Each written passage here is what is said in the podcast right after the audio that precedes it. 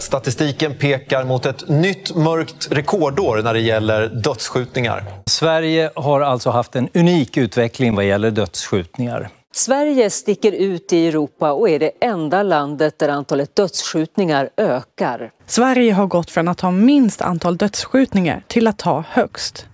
Dödsskjutningarna fortsätter att öka trots att Sverige redan har högst antal dödsskjutningar per capita i hela Europa. Jag heter Henrik Jönsson och jag är en oberoende libertariansk entreprenör och samhällsdebattör. Hur hanteras Sveriges brottsutveckling av regeringen? Hur har svenska medier skildrat denna hantering? Och vad händer med ett land som anpassar sig efter våldet istället för att bekämpa det? Dessa frågor tar jag upp i veckans video om “våldsspiralen”. Uppskattar du mina filmer så hjälper du mig att kunna fortsätta göra dem om du stöttar mig via något av betalningsalternativen här ute till vänster. Det är endast tack vare ert generösa stöd som jag kan fortsätta att producera aktuella nya videokrönikor varenda vecka, så ett stort, stort tack till de av er som bidrar. Är du ny här på kanalen så kan du dessutom med fördel prenumerera här nedanför. Se även till att klicka på den där alarmistiska klockikonen men skriv framförallt upp dig på mitt kostnadsfria veckobrev som finns länkat i videons beskrivning, så missar du garanterat aldrig när jag släpper nya filmer. Vilket jag gör med mycket stor laglydighet varenda lördagsmorgon klockan 08.00 svensk tid. Idag pratar jag om Sverige, sensitivitet och skjutningar. Häng med!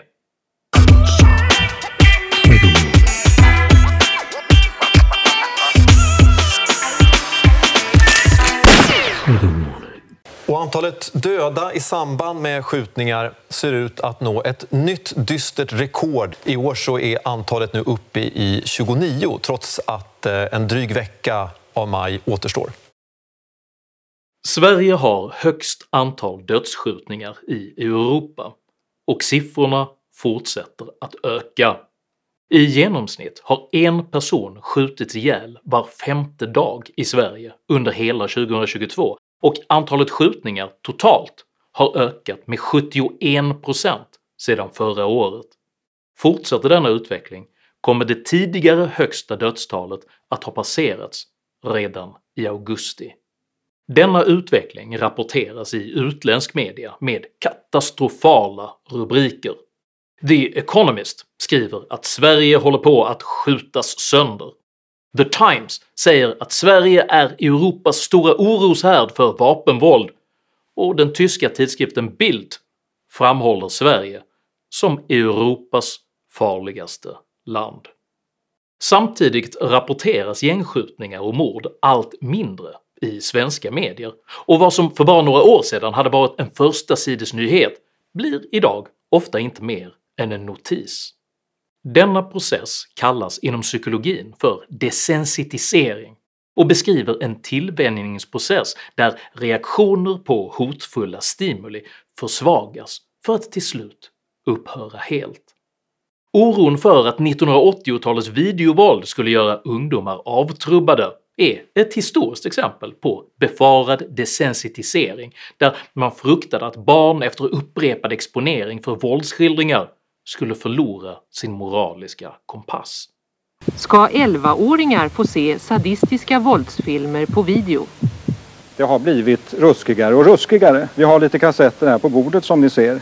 Det är högst tveksamt om just Motorsågsmassakern verkligen orsakade någon omfattande avtrubbning av de svenska ungdomarna, men det är tydligt att den gradvisa brutaliseringen av den svenska kriminaliteten faktiskt har skapat en form av nationell tillvänjning.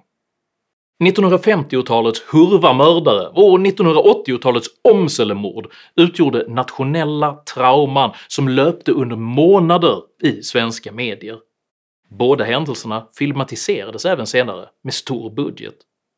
På liknande vis utgjorde under 1990-talet både Tommy Zethraeus Stureplansmord och Jackie Arklövs Malexandermord långlivade följetonger i media vilka gjorde dem till ökända begrepp som ännu klingar i det svenska medvetandet.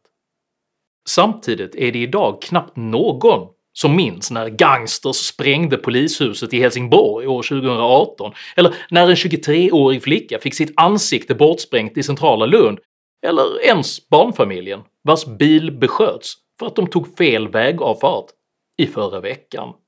Detta är desensitisering, när förekomsten av hotfulla fenomen blir så frekvent att avtrubbning inträffar. Denna avtrubbning gör de trygghetsundersökningar som polisen gärna framhåller djupt bedrägliga, eftersom trygghetsupplevelsen alltså gradvis anpassas efter en ökande våldsnivå för att göra tillvaron hanterbar. Några saker är eh, helt oacceptabla. Antalet mord. Vi ser positiva effekter i Malmöregionen Vad är det då? där människor i en ny trygg trygghetsundersökning uppfattar att de Eh, har en större trygghet. Desensitisering motverkas tillfälligt genom exponering för ett starkare stimuli, vilket utlöser den ursprungliga reaktionen med full kraft. Jag har därför sammanfattat polisens skjutningsstatistik för hela maj månad i koncentrerad form med förhoppningen att dessa dåd sammantaget ska återuppväcka den reaktion som en normal person egentligen bör ha för vart och ett av dessa dåd. 2 maj Skottlossning i samband med bråk i Enköping. 3 maj Skottlossning mot lägenhet på Söder i Helsingborg. 3 maj Skottlossning mot lägenhet på Rammelsväg i Malmö. 4 maj Larm om skottlossning vid Slottsskolan i Eskilstuna. 7 maj Skottlossning på Hammarby i Västerås. 11 maj Flera skott avlossade vid ett bråk på Östermalm i Stockholm. 12 maj Skottlossning vid Frölunda torg i Göteborg.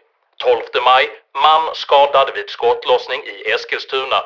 12 maj Bil med barnfamilj beskjuten med flera skott i Märsta utanför Stockholm efter att ha kört fel.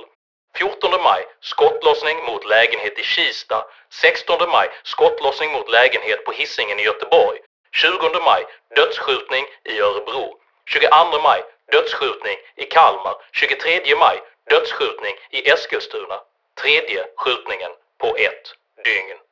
Vart och ett av dessa dåd hade varit en första sidesnyhet för 20 år sedan och är det fortfarande i andra länder än Sverige. Den enda anledningen till att denna lista slutar den 23 maj är att denna video spelades in den 24 maj. När du ser detta har det med mycket stor sannolikhet tillkommit fler skottdåd. Hur hanterar då Sverige denna våldsepidemi?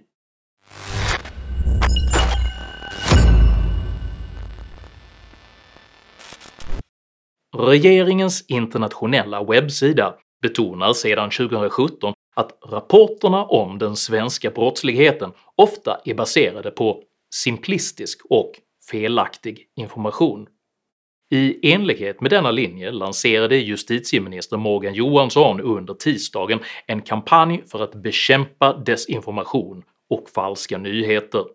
Välkomna hit då till den här pressträffen där vi ska presentera den kampanj som Myndigheten för psykologiskt försvar nu har dragit igång för att höja allmänhetens motståndskraft mot desinformation och falsk ryktespridning. Och vi har också en landningssida eh, där det finns kunskap och tips eh, för de enskilda. Och den landningssidan heter bliintelurad.se.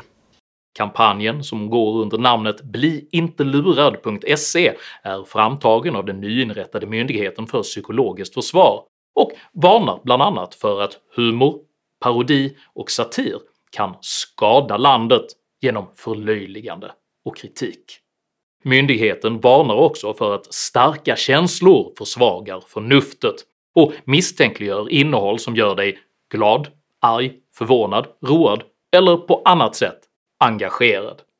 Det är svårt att inte uppfatta myndighetens kampanj som en idealisering av ett fullständigt desensitiserat tillstånd utan all form av engagemang, känslor eller humor och där även kritik och satir insinueras vara olämpliga. Parallellt med detta posthumana kampanjarbete har journalistikprofessor Jesper Strömbäck publicerat flera panegyriska debattartiklar som alla likställer kritik av Sveriges tillstånd med desinformation. Dessa debattartiklar underbyggs med en rapport som Strömbäck själv skrivit på beställning av den fackligt finansierade tankesmedjan Futurion. Rapporten betonar för Sverige fördelaktiga indexjämförelser av typen social rättvisa, hållbar utveckling och välmående. Ingenstans nämner rapporten att Sverige samtidigt har högst antal dödsskjutningar per capita i hela Europa, en bombattentatsstatistik utan internationell motsvarighet och en väldokumenterad skenande kriminalitetsutveckling. Med rapportens skönmålade urval som utgångspunkt fastslår man istället Studien visar att Sverige regelmässigt rankas som ett av världens absolut främsta länder. Mot den här bakgrunden bör det ses som desinformation att försöka framställa Sverige som ett “förstört land” eller ett land i förfall. Även traditionella medier, opinionsbildare och journalister har länge varit benägna att reproducera desensitiserande ideal där oro likställs med alarmism, där påpekande av problem likställs med populism och där kritiker misstänkliggörs för att hysa dolda antidemokratiska agendor. För att vara tydlig, det är alltså inte jag som påstår att Sverige har Europas högsta antal dödsskjutningar utan informationen kommer från Brottsförebyggande rådet. Det är inte jag som påpekar att dystra rekord slås om och om igen utan Sveriges Television och Expressen. Och det är inte heller jag som hävdar att Sverige håller på att skjutas i bitar, är farligast och Europas oroshärd, utan The Economist, tidskriften Bild och anrika The Times. Den som provoceras av att jag sammanställer och presenterar denna information går nämligen desensitiseringens ärenden och vill inte att den svenska dramaturgin ska rubbas. Det är förvisso sant, som många våldsrelativister gärna framhäver, att den sammantagna mängden anmälda brott i Sverige minskar, men det är brottslighetens karaktär som har förändrats. Våld i hemmet och missbruksvåld är nämligen hastigt fallande, medan det offentliga skjutvapensvåldet är ökande. Detta innebär att Sverige både blir mindre brottsligt och farligare samtidigt. Men att på statistisk grund försöka framställa detta som en positiv utveckling är direkt ohederligt. Justitieminister Morgan Johansson sammanfattade i måndags regeringens floskulösa svar på denna situation i samband med att de nattsvarta nya dödsskjutningssiffrorna offentliggjordes. Det som det handlar i grunden nu om, socialtjänst, skola, fritidsverksamhet, sånt som kan se till att bryta nyrekryteringen. Ska vi få stopp på våldet måste vi bryta gängens rekrytering av unga killar. Då krävs ett starkt samhälle. Ett samhälle där vi satsar på skolan, idrotten och socialtjänsten. Det faktum att Sverige har flest dödsskjutningar i Europa implicerar med justitieministerns logik att Sverige även skulle vara det land i Europa som satsat minst på skolan, idrotten och socialtjänsten. Detta är naturligtvis fullständigt nonsens och reproducerar bara vänsterns enda och impotenta svar på alla samhällsproblem beskattning, omfördelningspolitik och en större stat.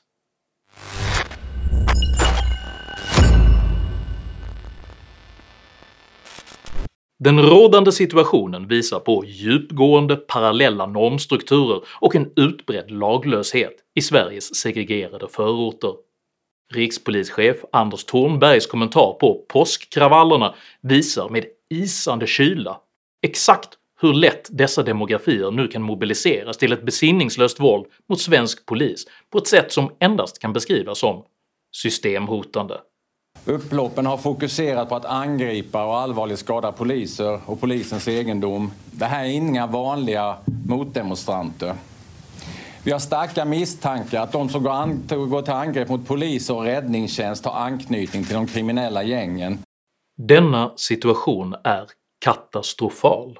Ingen inrikespolitisk fråga är nu viktigare för Sverige att hantera än denna, för att annars finns det snart inget Sverige kvar att försvara. Det är absolut nödvändigt att inflödet av unga män till de kriminella gängen stoppas, men detta kommer inte att låta sig göras genom fler skattefinansierade innebandyturneringar. För att stävja denna utveckling krävs nämligen en hel portfölj med simultana åtgärder. Förnekelseretoriken måste slutgiltigt förkastas. Det enögda fokuset på socioekonomiska faktorer måste brytas. Polisen måste få kraftigt utökade resurser och befogenheter. Straffstapeln måste skärpas och lagen måste tillämpas hårdare för att bura in eller utvisa grova brottslingar. Migrationsflödet från svårintegrerade områden måste pausas helt. De parallella normsystem som präglar utanförskapsområdena måste aktivt bekämpas och ersättas med svenskt rättsmedvetande och moral. Och socialdemokraterna, som inte har någon naturlig fallenhet för denna typ av handgripligheter, måste ha en kontinuerlig opinionsmässig blåslampa i de nedre regionerna för att tvingas vända även på de stenar de inte vill kännas vid. För om väljaropinionen väjer från denna fråga, då kommer socialdemokraterna också att göra det med konsekvensen att Sverige försätts i en permanent och väldigt slutgiltig desensitisering. Tycker du att konkreta åtgärder är ett bättre sätt att hantera brottslighet än tillvänjning? I så fall tycker jag att du ska dela den här videon med dina vänner. Och varför inte passa på att prenumerera på min YouTube-kanal när du ändå är i farten? Har du egna erfarenheter av svensk kriminalitetsutveckling? Dela i så fall gärna med dig av dina erfarenheter i kommentarsfältet här nedanför. Jag uppskattar all respektfull kommunikation. Kom dock ihåg att alltid vara artig, även mot dina meningsmotståndare. Jag accepterar inte aggression, personpåhopp eller rasism i mina idédrivna kommentarsfält. Tack för att du som kommenterar respekterar detta. Jag heter Henrik Jönsson och jag betraktar brottsbekämpning som Sveriges just nu viktigaste inrikespolitiska fråga. Tack för mig och tack för att ni har lyssnat.